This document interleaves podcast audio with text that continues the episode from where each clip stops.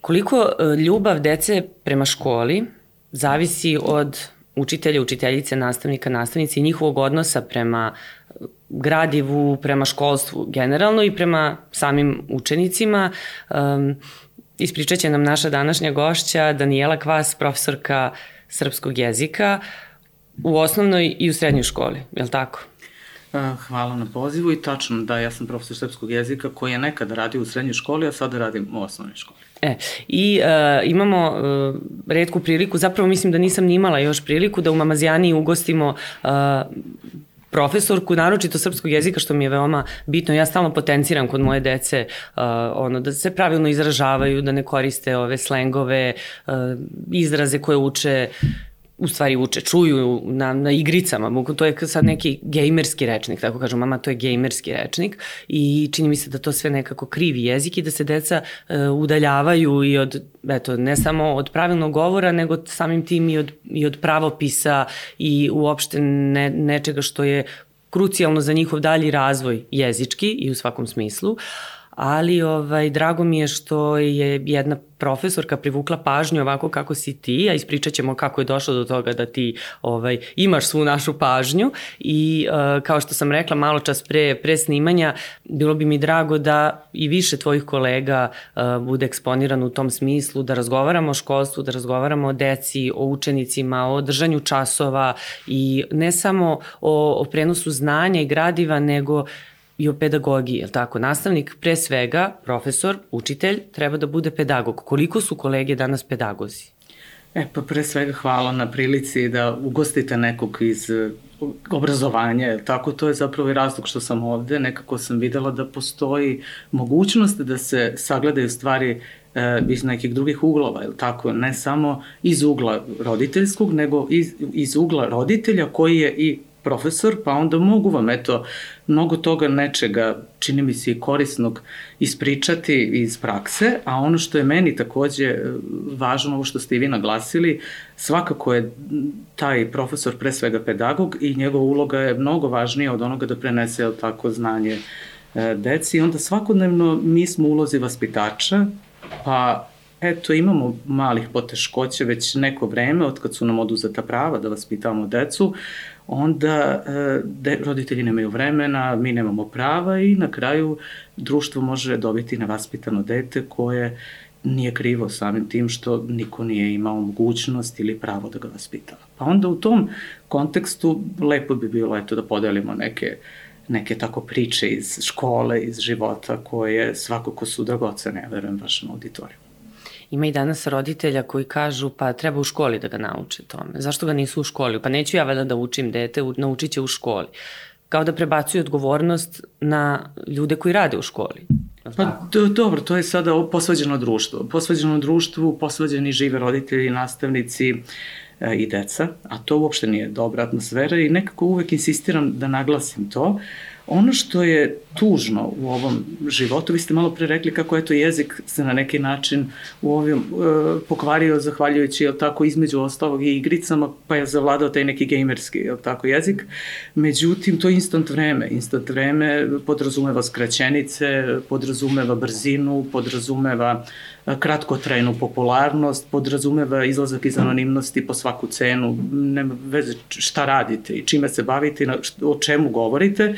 Pa onda u tom smislu nije baš naklonjeno vreme deci, a pošto sam neko ko izuzetno voli taj posao profesora srpskog jezika i zbog toga što svakodnevno radim sa divnom decom, mogu vam reći da mi je nekako najviše žao dece. Oni najviše ispaštaju, a roditeljska očekivanja su svakako uh, velika i očekivanja društva su velika. Vi danas želite idealno dete, Vukovca po svaku cenu i onda neretko roditelji pribegavaju tome da plaćaju silne privatne časove. Mnogo puta su moje kolege govorile u raznim emisijama, zapravo bile su pitane od strane novinara pa dobro, zbog čega toliko privatnih časova? Pa to nikada nije bilo tako. Pa upravo je to otuda od kada roditelji insistiraju da im deca imaju sve petice. Nikada, verujte, nije tražilo pomoć dete, niti roditelj, a, koji je, deteta koje je trebalo da popravi ocenu s jedinice na dvojku, ili s dvojke na trojku ili nekako prosto eto da dete nauči pre svega znanje da ima, nego je upravo imperativ i uvek e, naglašeno je bilo u tim razgovorima, pa eto ta je ocena nešto između 4 i 5 ili mi bismo da potvrdimo tu peticu, ta petica je izgleda roditeljima danas najvažnija, rekla bih da su u ovom instant svetu Instagram svetu pohvale na društvenim mrežama. A šta se desilo sa, sa onim svaka ocena je za đak? A pa ja ne da znam da kako to izgleda. svaku ocenu. A ne, pa ja mislim da to tako je, to je jako važno. I da. prvo dete treba već u najranijem uh, detinstvu da se, čini mi se, suoči sa svim uh, mogućim uspesima i neuspesima. I što se pre suočava sa tim, ako se to uopšte može nazvati neuspehom jedinica koja može se popravi, ja to ne vidim kao neki neuspeh, niti poraz neki neverovatan, mislim da je to prosto trenutno neko stanje, neku nespremnost deteta, nešto što stvarno treba svi da tolerišu i nastavnici i roditelji, da dete nema neke ozbiljne traume zbog toga i da baš se vratimo na to pa svaka ocena je za đaka i svaka ocena se može popraviti i detetu uvek treba pružiti šansu, to je ono što je stvari uh, poenta valjda svega toga, da radimo sve u korist dece. Međutim, iskomplikovala se situacija umeđu vremenu u tom našem posvađenom društvu, neko iskoristio priliku, pa je tamo neke planove preambiciozno zamislio, pa je tamo e, tempo neki u školi neverovatan da se što više ispredaje, da se to sve stigne, Pa onda s druge strane roditelji koji stvarno rade toliko u toku dana, neretko i to su više puta isticala i po dva, tri posla da bi obezbedili gol egzistenciju, pa se onda pitaju otkud toliki domaći zadaci i stvarno otkud toliki domaći zadaci deci, otkud toliko da deca više nemaju vremena ni za šta. Meni je to naj, najtužnije kad vi e, popodne vidite, ja sam roditelj dvoje dece, oni su već veliki, ali sam neretko svedočila tome da oni ceo dan imaju nekakve obaveze u vezi sa određenim zahtevima koji su postavljeni od strane nastavnika iz različitih predmeta i tu takođe ne postoji jedan dogovor, razgovor, čini mi se, jer je to nemoguće, to uopšte svojim kolegama negde ne, ne, ne spočitavam, nego na, naprosto nekako nije to dobro organizovano. Čini mi se da stvarno nije. Pa pogledajte samo koliko dugo traje to obrazovanje. Pa pogledajte koliko godina čovek tek završi fakultet. Koliko bi to sve moglo biti drugačije da ljudi zaista mladi završavaju pre svega te škole koje su zamislili, a onda i da ranije ulaze, ukoliko žele uopšte da je ostvare se kao roditelji u neke, eto, te porodične živote da započnu u krajnjoj liniji mislim da bi to sve moglo drugačije da se organizuje samo kad bi eto, neko se baš istinski bavio decom. Ja, mislim da je bila neka emisija e, iz Finske, da je tamo e, pre možda dve, tri, četiri godine, zaboravila sam, njihovo školstvo proglašeno za najuspešnije. Zapravo đaci su kao imali najbolji prosek i e, prema raznim anketama bili su najzadovoljniji u, u školi u odnosu na, na ovaj, učenike u ostalim evropskim državama i, ovaj, i onda su pitali ministarku prosvete u čemu je tajna i ona je rekla no homework, nema domaćih zadataka. znači sve se završi u školi. Sad oni ostaju možda malo duže u školi i imaju neku dvokratnu nastavu ili već kako se to zove, u svakom slučaju oni kad dođu kući, kako ona rekla, deca treba i da se druže, da se igraju, da odu na neki sport i tako da, ne da ceo dan ovaj, budu onako iznad, iznad knjige i u školi i kod kuće. Našoj deci vrlo često i pola vikenda prođe u tim i domaćim zadacima i učenju. Da naravno nije da ne treba da uče, moraju da uče. Naravno. Ali ovo, ovo što ste rekli sve je toliko pretrpano i onda to nije pritisak samo na decu, to je pritisak i na uh, vaše kolege, je tako, na nastavnici, pritisak, profesori. To je lančani žure pritisak. stalno da sve to nekako ispredaju, da, da ispoštuju taj program da se ostvari, da. da se zadaju ti domaći zadaci po planu i programu. Roditelj taj koji, eto, cele e, radne nedelje ne viđa to svoje dete i vikend mu je dragocen, eto, bilo na koji način da ga organizuje, ja mislim da je to jako važno, zapravo da je to vreme najvažnije, a tog vremena sve manje imamo svi. I nekako mi se čini da to uopšte nije dobar model, da bi to neko stvarno morao sesti već jednom, ali uporno, uporno dobijaju deca nove predmete i uporno mi smo predavači predmeta za koje neretko nismo ni završavali čak ni seminar, a ne nešto drugo, da bi se ne znam po kom modelu sve ovo odvijalo. To mi uopšte nije najjasnije i to čini mi se mora neko ozbiljno već jednom razmotriti. Opet govorim zarad sreće naše dece. To je najvažnije. Mislim da je to, mislim sad da ja ističem koliko je važno sve što su, jer odnosi na decu je malo i besmisleno, pa mislim da je svima nama to u interesu nekako da ja sad to nešto specijalno naglašavam. Ja ne znam čoveka koji ima decu, koji radi sa decom, koji eto pravi nešto za tu decu, a da mu deca opet pa i nisu najvažnije. Tako da... Da, još imaju dodatni pritisak tih ocena, ovo što ste pomenuli, da, si, da budu sve petice, da... Da, da, meni je sve da smešno. Kad kažu pa kao dopunska i dodatna, mislim da se ta dopunska nastava odavno samo formalno upisuje. Pa mi nemamo dete koje ima ispod trojke uopšte ocenu. Mislim, malo je škola, da ne kažem, doći ćemo u situaciju da na prste nabrajimo one koji imaju manje od 3. Jer vi kad date detetu manje od 3, vi onda morate da opet silnu papirologiju negde da dokažete šta ste vi sve radili, kako ste mu pomoć pružili, šta ste vi učinili da to dete, eto, nema ocenu manju od, uh, u stvari, zašto bi dete imalo ocenu manju od trojke? I onda, kako da kažem, to je linija manjeg otpora. To je velika nepravda prema deci koja ima izuzetno postignuće. To je pre svega jedan mediokritet koji se stvara u društvu, da smo svi isti, da smo svi fantastični, da niko ne sme da talasi, jer ako se neko izdvoji kao stvarno vrhunski talent u nečemu ili ne, onda on treba da bude nekako ta ista petica kao i ona koja je na kraju krajeva i poklonjena ocena. Pa ima i toga. Tako da se našminkaju te ocene nekako na kraju zarad lepote života srećnih roditelja, srećnog društva. bolji prosek i svako Ko je, to je sada, zamislite to, prosek, to je isto da. meni stvarno nekad su, nekad su klinci plakali, ja se sećam dok sam ja išla u školu, zbog jedinice, dvojke, dešavalo se stvarno da neko plače, pa ne znam, ne sme da kaže mami i tati, tako, a meni sad moje deca pričaju, da ima dece koje dobiju četvorku i plaču zbog četvorke. Ja kažem, pa što fali četvorka? Četvorka je dobra ocena. Mislim, da. sledeće put dobiju peticu, eto imaće opet pet, jel tako? Četiri i pet, to je pet, koliko ja sećam. Ovaj, ne znam u čemu. Ne, ne, kaže, to je to je haos, to su... To su to različite poruke. Kiša sud. To su sve različite poruke. Vi vaspitavate dete na jedan način. Dakle, da bude pošteno, da ima pošten odnos prema radu, da je njegova ocena, ta ocena koju dobije, da može da dobije od jedinice do petice, nema veze, evo ja sam profesor, pa šta dete dobije jedan i pet i tri, moje, mislim, na svu sreću oni jesu stvarno super iđaci, ali bilo je situacija gde je dobio lošu ocenu, pa bože moj.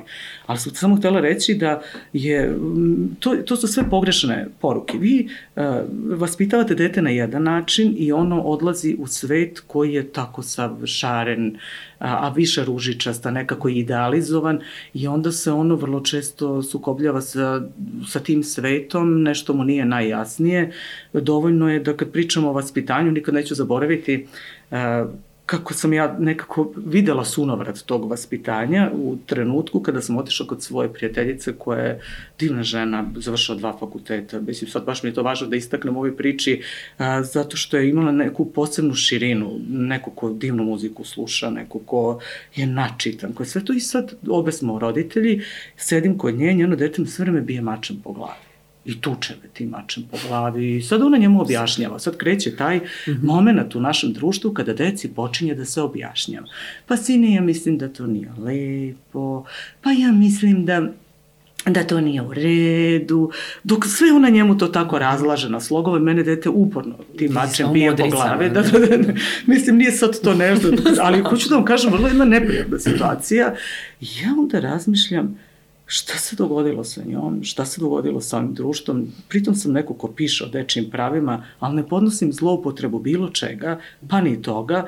Nikada nije bilo da su deca postavljala granice. Od uvek je roditelj bio taj i kad mu je teško, to je vrlo teško, kad to svoje dete toliko bezuslovno volite, da mu nešto zabranite, da mu nešto osporite, da ne znam nije već šta, ali zaista to je neophodno da detetu je lakše, deca tako lakše, lakše odrastaju, lakše e, se navikavaju na taj svet koji ih čeka, jer to dete isto, ako taj mač potegne na nekog druga, drugaricu, pa u krajnjoj liniji na nastavnicu ili već koga mi smo imali različitih strašnih situacija u zadnjih nekoliko godina, a, neko će to trpeti, a neko će, boga mi, možda ko zna kako odgovoriti i kakvim nasiljem. Znači mi ne smemo praviti u našim kućama neki svet koji ne postoji i tu decu hendikepirati kod svoje kuće nekim e, pre svega lažnim životom koji ne postoji van te naše kuće. A opet, s druge strane, kad vaspitavate dete da bude pošteno, iskreno i sve to, ono stalno doživljava te nepravde, jer vide da se nekom šminkaju ocene, jer vide da neko a, će biti u krajnjoj liniji bolji đak od tog deteta koje je pritom vrlo svesno da ima veće znanje od toga nekog. I onda mislim da, da tu moraju postojati ipak neki kriterijumi, da se vratimo nekim ozbiljnim kriterijumima u svemu. Čini mi se da su nekako sve kočnice ne, ne, popustile. Mi više tu nemamo, nemamo, čini mi se, kontrolu nad tim našim životima, što je najtužnije od svega. Da, i to decu boli i onda bivaju ubijena u pojama, još su mali i onda tako rastu sa tim osjećajem nepravde. Mi taj osjećaj nepravde i drugom, oni žive u drugom svetu, mi smo skloni tom obrazcu onom roditeljskom koji smo nasledili od svojih roditelja. U moje vreme je bilo ovako, onako ja znam da ako bih to uopšte i pokušala da izgovorim ili rekla da ja sam 100% već u ozbiljnim godinama i da starim pošto radim sa decom, to je i divna okolnost, ne, ne možete da starite tako lako, zato što vas oni stalno podmlađuju, vi sa njima upravo i taj gejmerski jezik usvajate svakodnevno i e, suočavate sa svim problemima savremenog društva i deteta koje odrasta u tom društvu i vi onda ako biste primenili taj stvarno obrazac, to bi bilo smešno. Pa deca danas rastu stvarno uz druge medije i oni imaju još jednu muku. Ja, ja zovem Instagram muka, ne misleći sada uh, da je sad taj Instagram, ne znam kako pošle ličnost, ja sam ta koja je takođe tamo prisutna, nego mislim da taj teror lepote, taj teror, kako treba da izgleda moj stan, kako ja treba da izgledam, kako ja treba da se ponašam, e, taj idealni, lažni život koji tamo e, postoji, može u mnogome detetu koje odraste, koje nije sada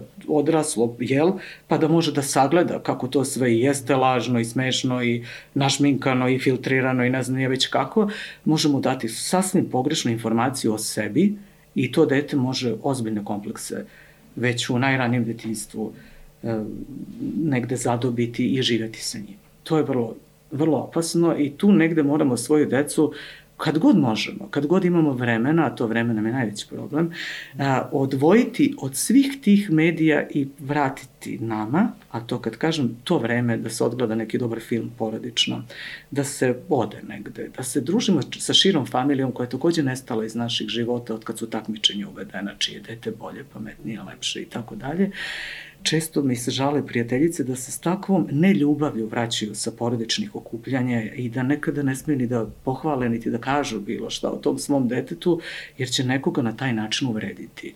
Odavno se ljudi ne raduju tuđoj sreći, ajde ne samo tuđoj, nego sreći najbližih. Da. I o tome isto mora da se neko ozbiljno time da se pozabavi, jer ako deca nemaju i tu ljubav, koja je jako važna, psiholozi će reći uvek da osim ljubavi one, da kažem, najbliže porodice, misleći na roditelje, e, brata, sestru, koliko dete ima, jel, unutar porodice, da je mnogo važna i ta šira, to su bake, deke, ujaci, strine, stričevi, jel tako, detke da. i ostali. Tako da s te strane e, ima mnogo, mnogo toga što bismo morali da da menjamo i da, čini mi se, pre svega dobijamo na vremenu da bismo provodili kvalitetno to vreme s decom.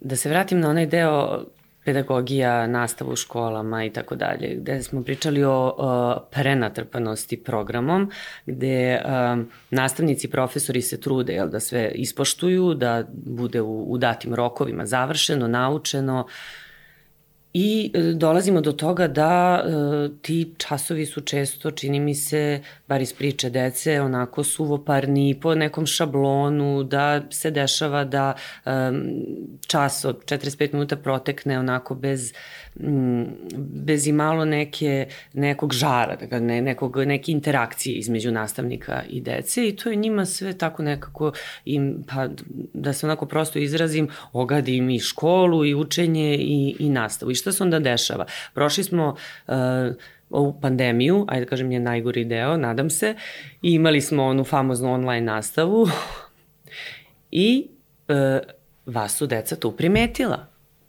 Vi ste držali, za one koji ne znaju, uh, časove srpskog jezika na, na televiziji, tako to su bili da, to je nastava na daljinu. Tako nastava se, da, da, na daljinu. Tako su nazvali, da. I deca su e, ipak primetila da se neko izdvaja. E, šta je specifično u, u vašem času, u vašem predavanju? Šta je to? Je li to uh, ta neka staloženost, smirenost, mirnoća? Uh, primeri, navodili su da imate zanimljive primere, recimo, kada nešto objašnjavate i privukli ste im pažnju. Pa eto, to se zaista tako desilo. Mislim, to je splet groznih okolnosti, vi ste to naveli. Ali, Mislim, samo da naglasim, tu se vidi u stvari ljubav prema prema poslu, prema Tako toj je. deci, prema onome što vi radite. Radite to iz ljubavi i to se osjeti. to je jedino hronično, da tako kažem, i to je moja velika sreća u životu. Ja sam srećna što to radim, ali srećna što radim sa decom. I činilo mi se, kad su me pozvali to da držim te časove, ja nisam bila sigurna da ću moći da odgovorim na te njihov zadatak, jer nikad u životu to nisam pre toga radila. A onda sam snimila taj prvi čas onako kako inače ona izgleda u mojoj učionici. Mišljala sam kako ću to, pa zamislit ću sta deca tu, ispred sebe imam dete, imam tu dušu koju imam inače svakodnevno i tako ću držati te časove. I bilo je tu i grešaka što je sasvim u redu i opravdano s obzirom na to kakve su okolnostima vi to sve snimali. A, nekada i materijalnih pa smo ih morali ispravljati ovaj, sledećeg časa. To je jako važno. Pravo na grešku i pravo na to da se te greške dešavaju u svakom poslu i onima koji su eto i izdvojili se kao bolji ili najbolji u tom poslu. Uopšte sebe ne doživljam na taj način, zato što znam, toliko sam škola promenila da ima toliko dobrih profesora, ali smo uvek pamtili one koji su unosili neku posebnu, čak i poradičnu priču jer smo mi inače porodica, tu pola dana provodimo zajedno, kad su unosili te svoje porodične priče. I sad, evo, sad ću povezati nešto sa privatnim životom, kog se inače onako uvek, ovaj, da uvek nekako to distanciram od, od svakog tog nekog javnog obraćanja bilo koje emisiji, ali meni je moja sadašnja svekrva predavala nekad biologiju. I evo sad primjera. Jednog sad ću vam ispričati kako je ona a, pričala nama na času biologije. Inače je bila besprekoran profesor biologije. Prirodna, fina jedna žena, dobra. Tako, takva je ceo život, eto, toliko godina ovaj, se već i poznajemo i, i sasvim sad iz druge ovaj, neke perspektive mogu posmatrati koliko je ona zaista jedna duša pre svega od žene. Ali nikad to neću zaboraviti, njeni časovi su bili metodički uvek divno osmišljeni. Mi smo na tim časovima mogli da se krećemo, ona je uvek pravila a, takve zanimljive neke časove gde smo mi se u, mogli uveriti kako je to iz jedne larve, taj jedan leptir će izaći, ne znam, nije, ali smo nekako, ona je znala da peti razred ne može da sedi sve vreme na času i da je to prosto protiv neke prirode, valjda je profesor biologije, pa još bolje to, čini mi se znala. Ali ono što je meni interesantno bilo, ona je pričala kako kad se vrati s pijace, donese jabuke svojim ukućanima i oni pitaju, dobro, jer su bile neke jeftinije na pijaci. Kad si donela ove, svaka načeta crvom, a ona je opet gledala u vreme kada su već uveliko uvodili od tako razne otrove da bi te jabuke izgledale vela lepno, instagramski Plastic, lepo, da. instagramski lepo, mm -hmm. je tako? Ona je ovaj, trudila se da tu porodicu svoju zdravo hrani. Znala je tačno da odabere. I onda se setim da je kod mene u porodici, dok ona to priča, da mi našem ocu smo to znali da kažemo kad dođe s pijaci isto to rečenicu. I bože, bože, razmišljam, pa kod ove Jelene Kvas je isto kao kod mene u kući. Da li je moguće da mi na isti način, ta žena je uvodila tu prirodnost, tu jednostavnost, uh, eto, nekih porodičnih tako stvari. Sad nevažno je, kad ta priča je posle sasvim, sasvim to, drugim tokom, što nisam ni znala ni ko je njen sin i da ću ikada biti njena sna i pošto sam bila član njene te biološke sekcije da ćemo zajedno zalivati cveće jednog dana. Ali mi je stvarno interesantno koliko takvi profesore niko ne zaboravi. I onda ako ste vi prirodni, ako ste jednostavni, ako ste ljudi svesni toga da da, da je mnogo važnije od toga da li ću ja ispredavati tu palatalizaciju i sibilarizaciju, jer svako dete prosečne inteligencije to će naučiti, da je mnogo važnije ono drugo što ćemo naučiti u toku tog časa, a to je ta neka poruka koja a, kada stigne od strane nekoga ko nije roditelj, kada deca hejtuju, kako se danas jel, izražavaju, kada sve vreme osporavaju to što im roditelji govore, kada preziru to što im roditelji, to je sasvim normalno odrastanje u pubertetu, kada se svemu tome suprotstavlja, onda je mnogo važno da im taj neko tamo, u školi, kaže nešto važno pa i životno važno što će oni zapamtiti. Moja učiteljica Slobodanka je bila jako stroga, ali samim tim što je bilo, neko, to je bio prosto i vreme strogih učiteljica, onda smo mi, naša i pozornost na času, naša pažnja je bila naravno mnogo i, i veća. Ona je znala da e, nama kaže, još u prvom razredu, pitala nas koje mi kućne poslove obavljamo i sad neko rekao je tu šta. Ja pomažem mami kad uradim to, ja pomažem mami kad uradim to, ja pa... Pa kaže, kako misliš pomažeš mami? To nikad neću zaboraviti. Vi kad radite nešto u kući, vi obavljate jedan deo posla. Ne pomažete vi vašoj mami, tu uopšte nije bilo vreme, niti nikakvih feminističkih stavova u to vreme, znači to je zaista bilo u prošlom veku, jer ja sam žena ozbiljnih godina. Ovaj, htela sam samo reći da je mnogo važno, meni je to zauvek ostalo, da kad god sam nešto radila u kući, u stvari nisam pomagala svoje mami, nego sam bila deo te zajednice i nešto sam radila. Zato što to nije mamina kuća, uvek se gleda kao da je to sve mama, ne znam, raširili smo veš, pomogli smo mami, pa čiji je to veš, je to samo mamin veš? Sklonili smo sudove, pomogli smo mami, pa da. pa koji je iz tih sudova? Mama jela iz svih tih, ne znam, četiri, pet tanjira. Da. I sad to kad vam neko kaže u školi, super, meni to ostalo da. za uvek. Ono što mi je baka moja pričala, takođe mi je nekada ostalo važnije u životu kao ne, ne, neki taj vaspitni moment od onoga što mi je mama govorila. Jer je to sasvim valjda u nekom periodu u redu da mi pokušavamo u krajnjoj liniji u tom razvoju kada naša ličnost razvije da ubijemo i tu mamu i ne znam ni već koga u sebi kako bismo mogli da budemo te ličnosti. I to je u porodicama gde su svi takvi, a moja je jedna od tih, vrlo teško. Znači imam decu koja su velika, Lucija već četvrta godina fakulteta, Aleksandar treće godine gimnazije, oni su e, deca koja nikada, kada smo im nešto govorili dok su bili manji, nisu klimnula odmah glavom i to odmah iz prve uradila. Ja sam onda se pitala šta bre nije u redu s mojim decom. Da li je moguće da ja toliko decu mogu da naučim svemu, da me posluša iz prve, da iz nekoga je to poštovanje i svega. Ne, ne, uvek je moralo da postoji neko pitanje, da se nešto prokomentariše, da ne. I onda ja pitam svog supruga jednu priliku, pa dobro ćeš da mi kažeš, molim te, zašto oni nikad ne klimnu glavom, ne znam, znam od moje komšinice deca uvek kad im neko što majka kaže odmah, to iz prve kaže on, meni je da li si ti kada sam ja tebe nešto pitao, a da pritom u tom trenutku i nisi raspoložena za, za upravo tako da, da odgovoriš na taj neki moj ili zahtev, u osnovnom i da mi da odgovoriš, da li si ti odmah ovaj, tako pristajala iz prve, pa ja kažem nisam. Da li sam ja tebi? Pa ja kažem nisi. Pa to su naša deca.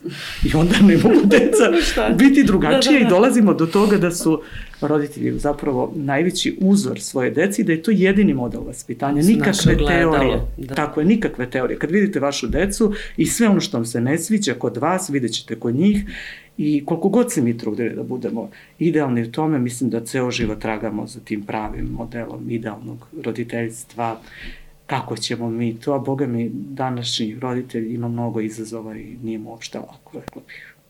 Ali e, vaša popularnost među decom uh, nekako pruža, pruža nadu da ipak imaju neki pozitivan stav prema školi. Kao da traže eto, ne, neku profesorku, profesora koja će im biti uzor i pored ovih nekih internet uzora, tih youtubera, influencera i tako dalje, ne znam, muzičara, uh, I to je dotle došlo da, da su vas čak zaustavljali na ulici, je li tako? Da. To ste pričali više puta i tražili autogram, ja? E, nisam, da, to je bilo, moram to da. opet ispričati, neću istu priču pričati kao kod Radir, ta e... priča kod, u emisiji jednoj gde sam već gostovala, da. ona je bila vaš gost i uživala da, da, da, to pa znam, to sam ja gledala, ali da. sam htela da kažem, meni je to bilo fascinantno, da. ja prosto ne mogu da zamislim da neko traži autogram profesor. To se desilo u Španiji, da vas dete zaustavi, mm -hmm. da se fotografiše sa vama, a, da sam čak u jednom trenutku mislila, da kažem, pa to nisam ja.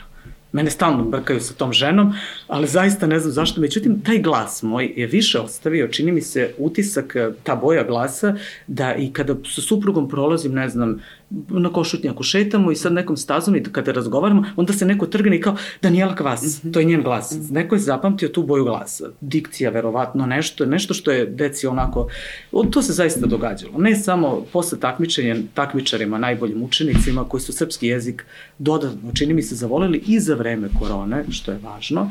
Mislim da vole taj predmet, meni je važno kao profesoru srpskog jezika, najlepšeg jezika, da, da zavole taj predmet i to je suština. Neki dan sam dobila kompliment koment od svoje učenice koja mrzi ceo svet trenutno, on je osmi razred, njena majka često dolazi u školu da se požali kako ne zna šta će s njom. Ne meni, nego svoje razrednoj i kao mi ne znamo više šta ćemo, mi ne znamo šta ćemo kod kuće, ona sve tako, sve tako negoduje, ma ništa neće, ne pristaje ni nešto.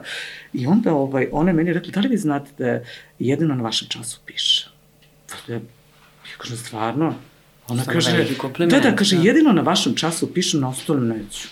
Ja kažem, što bre, nećeš? Što ona kaže, ne mogu, ne sviđa mi se nešto je se tu ne sviđa i tako. I ima neko posebno poštovanje, a nikada nisam gradila imidž e, na jedinicama. Znate, ono što više mhm. jedinice date, o vama se više priča kod kuće, svuda vi ste super, svi ginu kako će poprave ocenu kod vas, niti na peticama, svi smo predivni, evo vam petice i tako, znači toga nema, ali jesam fair kad vidim da su zatrpani obavezama i sad imaju kontrolne zadatke ja po pravilu i svemu tome trebala bih dati kontrolni zadatak u prvoj nedelji, ne znam, zadnja nedelja septembra, 1. oktobra, verujte mi da i čak i to ne znam, to je toliko ovaj, meni nevažno, nego se dogovaram sa njima kad imaju najmanje obaveza, ta će raditi kontrolni srpskog, ali da nauče.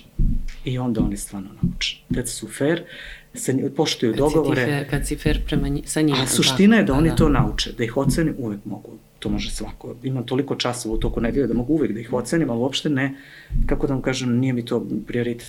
Prioritet mi je da naučim.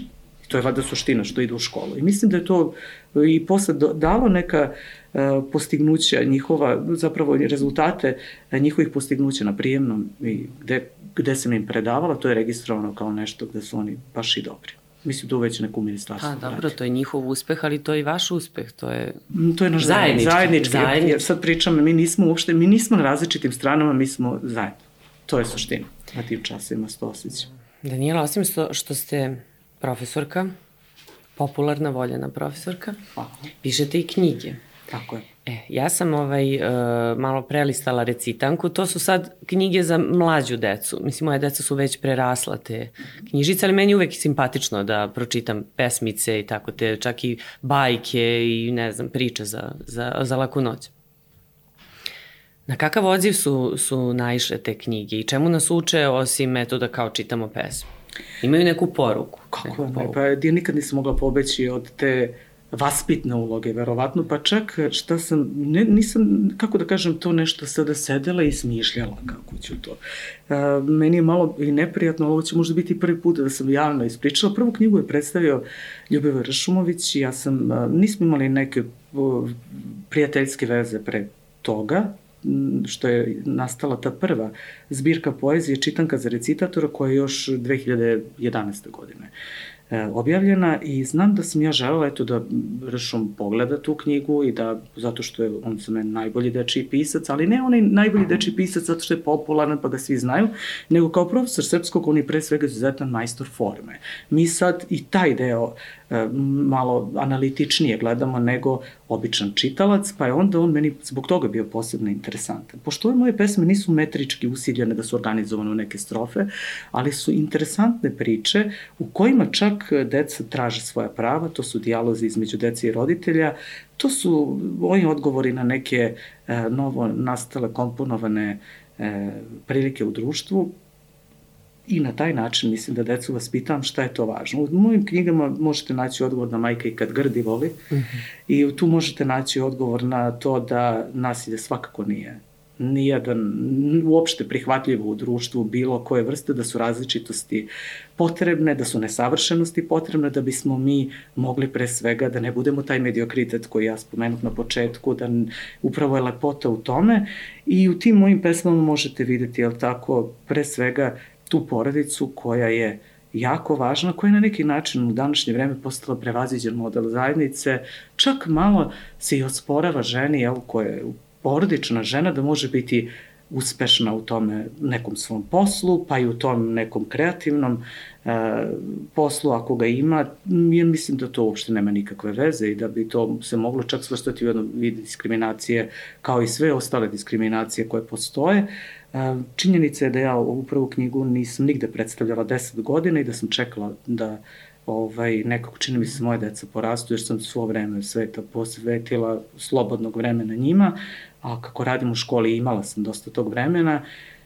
I onda, eto, ovog leta je objavljena i treća zbirka poezije Eto, recitujmo, to recitujmo ni imperativ, već predlog i pošto u svakom nazivu postoji taj uh, deo koji se odnosi na recitatore, zapravo e, vraćam veru u recitovanje u Srbiji, koji je zamalo da se ugasi u jednom trenutku, a mi ne smemo da zanemarimo da je ove godine preko 23.000 učesnika bilo na smotrama recitatora i da je to još jedan način da se čuva srpski jezik koji meni takođe jako i važan i ta lepota govora i način izražavanja i ta sugestivnost u govorenju, tako da eto te pesme su upravo zbog toga jako popularne, neretko pobeđuju preko 20 gradova su pobedile Svaki prošle, prošle godine, iako ta distribucija nije nešto agresivna, iza mene ne stoje neke marketinški magovi od izdavačkih kuća, stoji jedna divna biblioteka, to je Lazarevačka biblioteka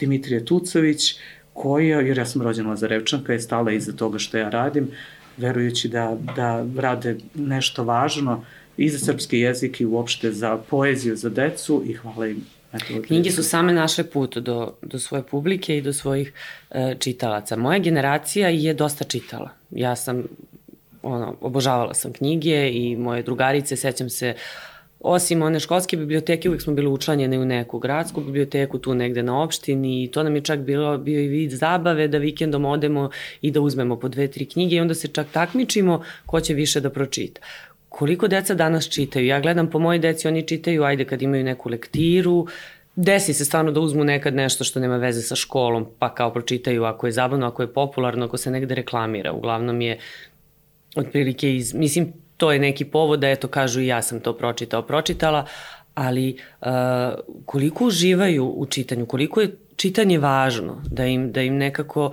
um, i dalje ostanu knjige kao najbliži prijatelj apsolutno se slažem sa vama e, i da deca manje čitaju i da je to važno.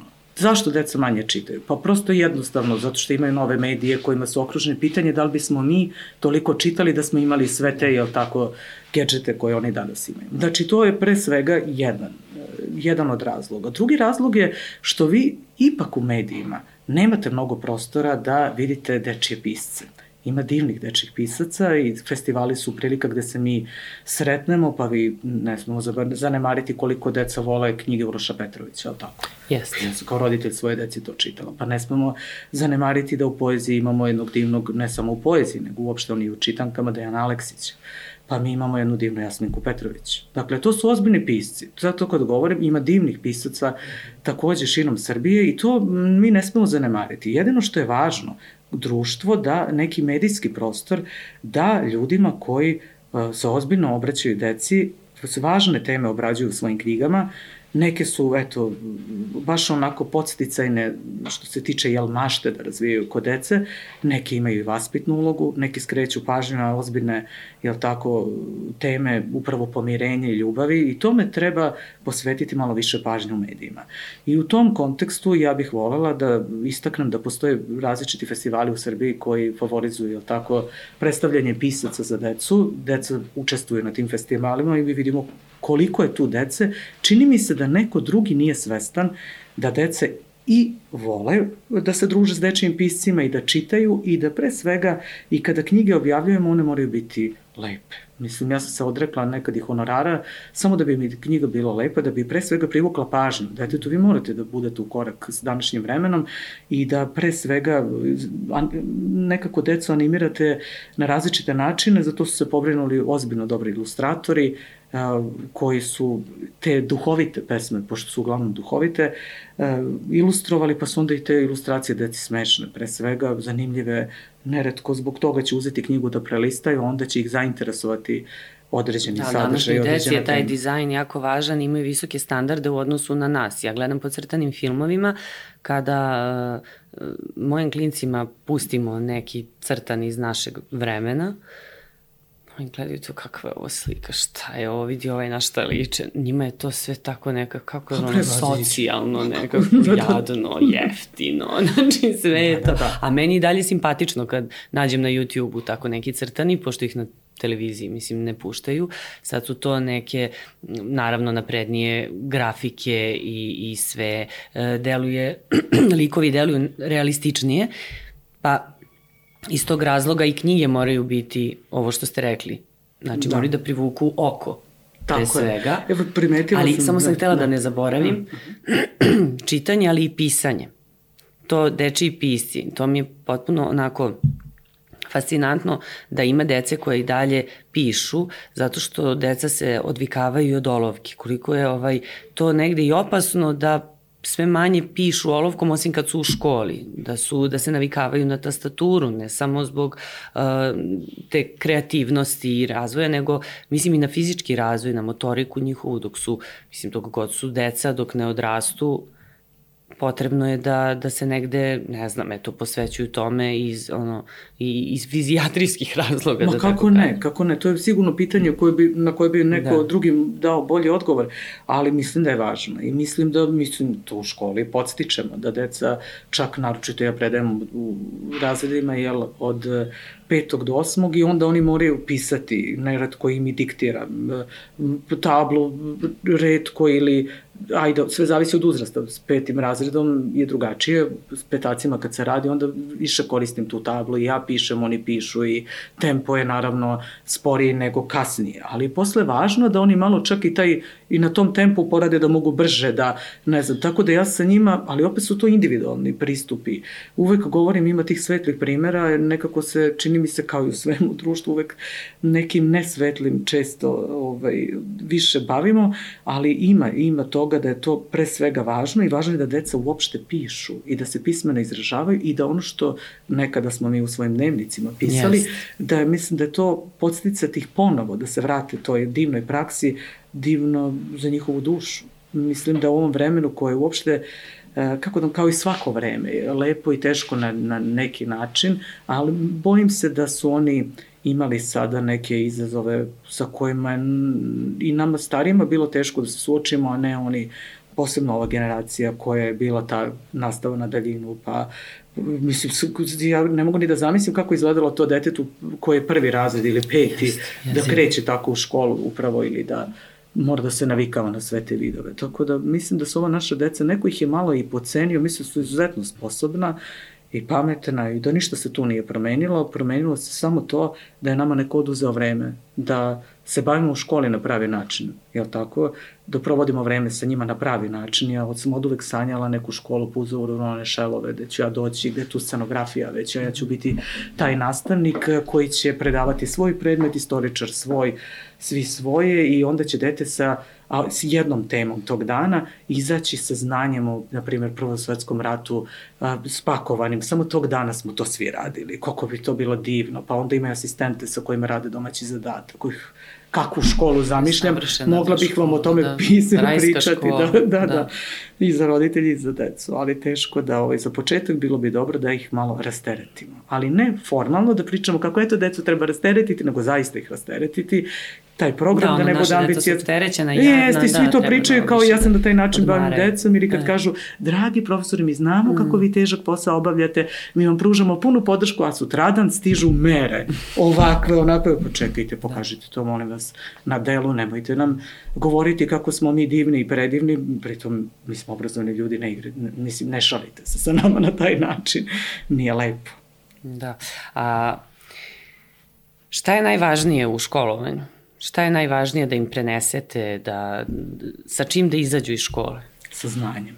Znači, ako je škola već u pitanju, sa znanjem, ne samo znanjem iz određenog predmeta, nego sa znanjem kako u životu deca da se bore sa svim mogućim uh, i poteškoćama i onim lepim, da tako kažem, kako da se nose sa tim životom.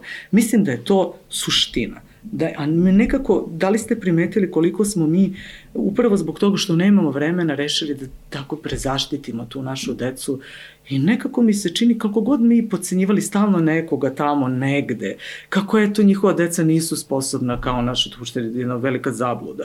Mislim, opet govorimo o tome, neko ranije završava školu, ranije suočavaju s tim životom, počinju da voze, da žive taj neki pravi život koji, mislim da nam za to pre svega treba vreme, a da bismo imali to vreme da rastereti neko roditelje, decu i da prosto ta neka tenzija, taj neki strah koji vlada konstantno. Znate, vi kad upalite ujutru a, televiziju i gledate da imate alarm od alergena, od komaraca, od krpelja, od alarm od, čekaj da se setim, bilo je tih nekih besmislenih, dobro sad, od elementarnih nekakvih nebogoda, alarm od ovoga, onda ide statistika umrlih od ove bolesti, od one, da se skrene pažnja na, ne znam, kod žena da treba da vode računa, da idu na sistematske preglede, a onda sistematski pregled košta Boga oca, ba radim u, na primjer u obrazovanju, vrlo sam svesna šta sve treba da radim, ali pitanje odakle, je li tako, pa ta porodica stvarno se to je pitanje jedne porodice, onda je najbolje stvarno, taj, pre svega taj jedan strah kojim počinje dan. Ne počinje dan nekim veselim temama, nečim lepim, nekim dobrim. Pa u krajnjoj liniji pesmicu dovedite najboljeg recitatora yes. u neki jutarnji program, da čujete da kako naše deca ta... govore srpski da. jezik, da vidite kako ćemo mu lepšati neko drago lice.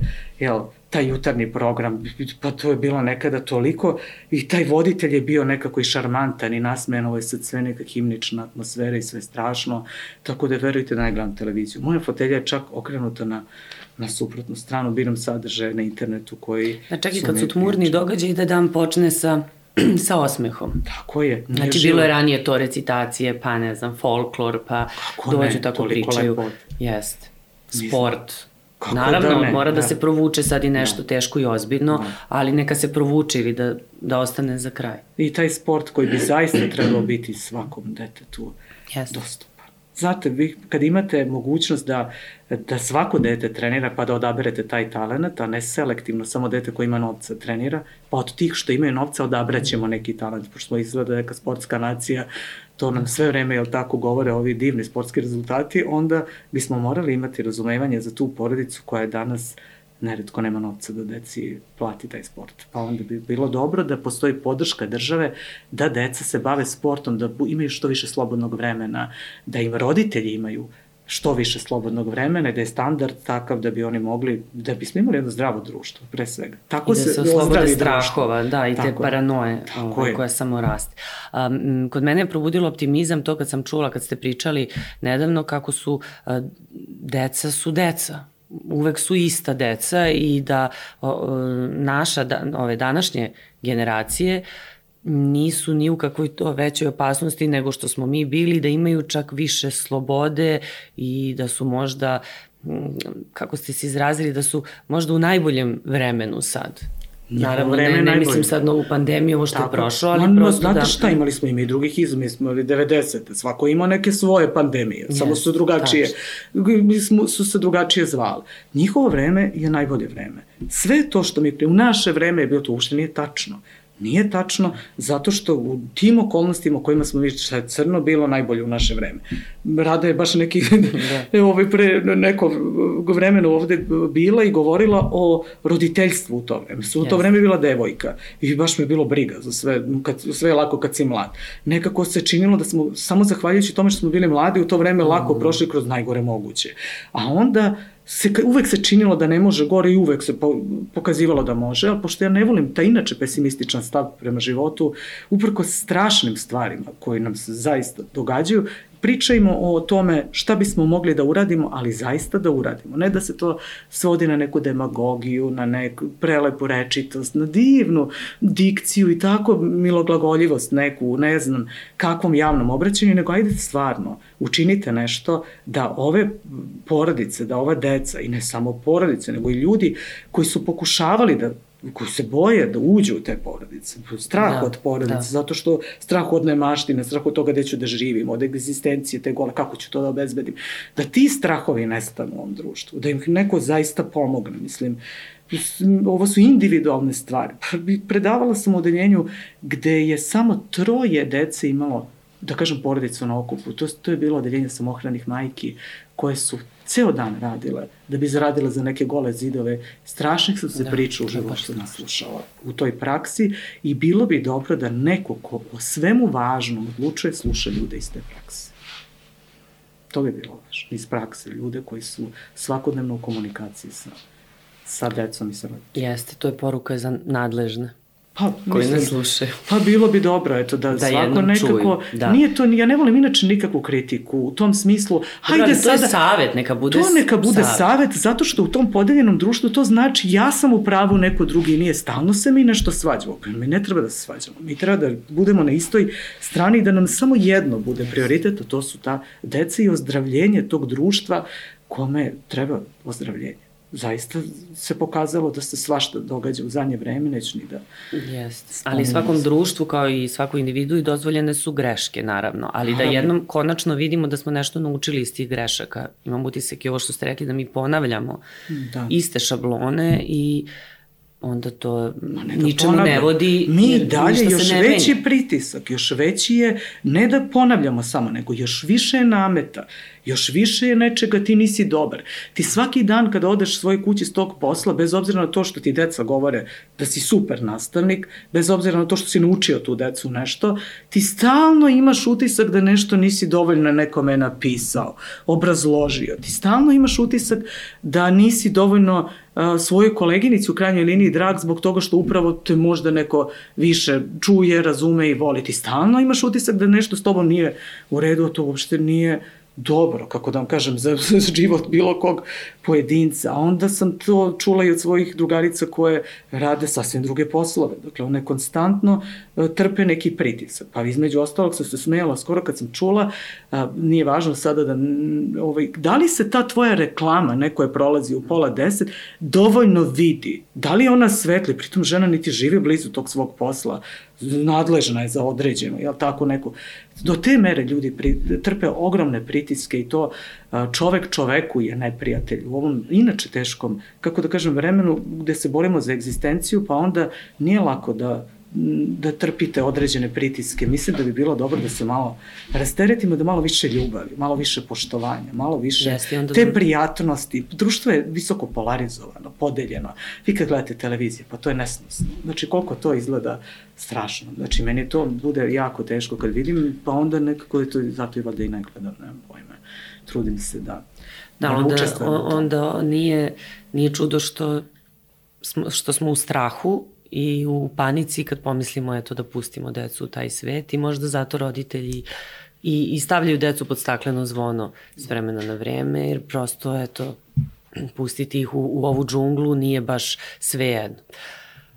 Danijela, hoćete da za kraj date neke savete mlađim kolegama, koleginicama koji ulaze u ovaj posao i nažalost čini mi se da ih je sve manje, da sve manje ljudi se odlučuje da radi u prosveti, ali eto da im pokažete, eh, da ih usmerite, da, da vide da ipak ima ima i dalje lepote i ono što je meni jedna od najdivnijih stvari koje ste ispričali to je da um, ja bi recimo voljela da imam tako nešto, da dobro imam svoju decu naravno, da, što, da vas taj posao podmlađuje, ne da vam dostarite ovaj, i koliko eto, treba da znaju i, i da ako se premišljaju ipak možda zaplove u te vode. Odlično, i... odlično. Mislim da treba ohrabriti ljude da, da se bave ovim poslom, zato što je upravo raditi sa decom nešto najlepše i najhumanije.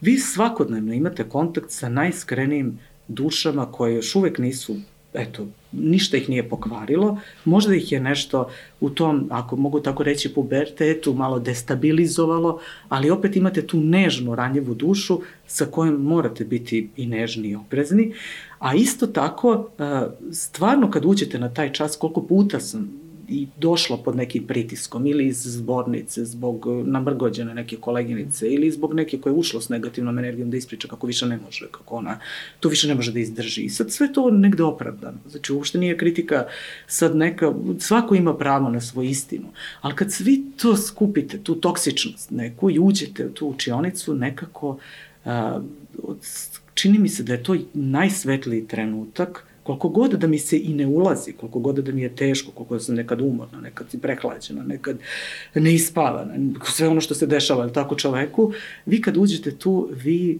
e, nekako, to je moj lični osjećaj, to sve prestaje.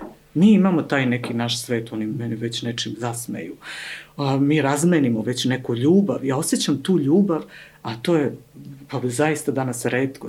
Kogod radi u nekoj kancelariji, sad zamislite sa dvoje, troje toksičnih, I sa ne znam nekoj kakav je to život, stvarno ne bih mogla da zamislim čini mi se. iz dana u dan. Takav tako. život. A da ne Godina. pričam o tome, eto, prednost ovog posla koju nikako, mislim, neko ugrožava sad i to naše vreme, silnom administracijom, mislim da to non stop žalimo, a, je vreme.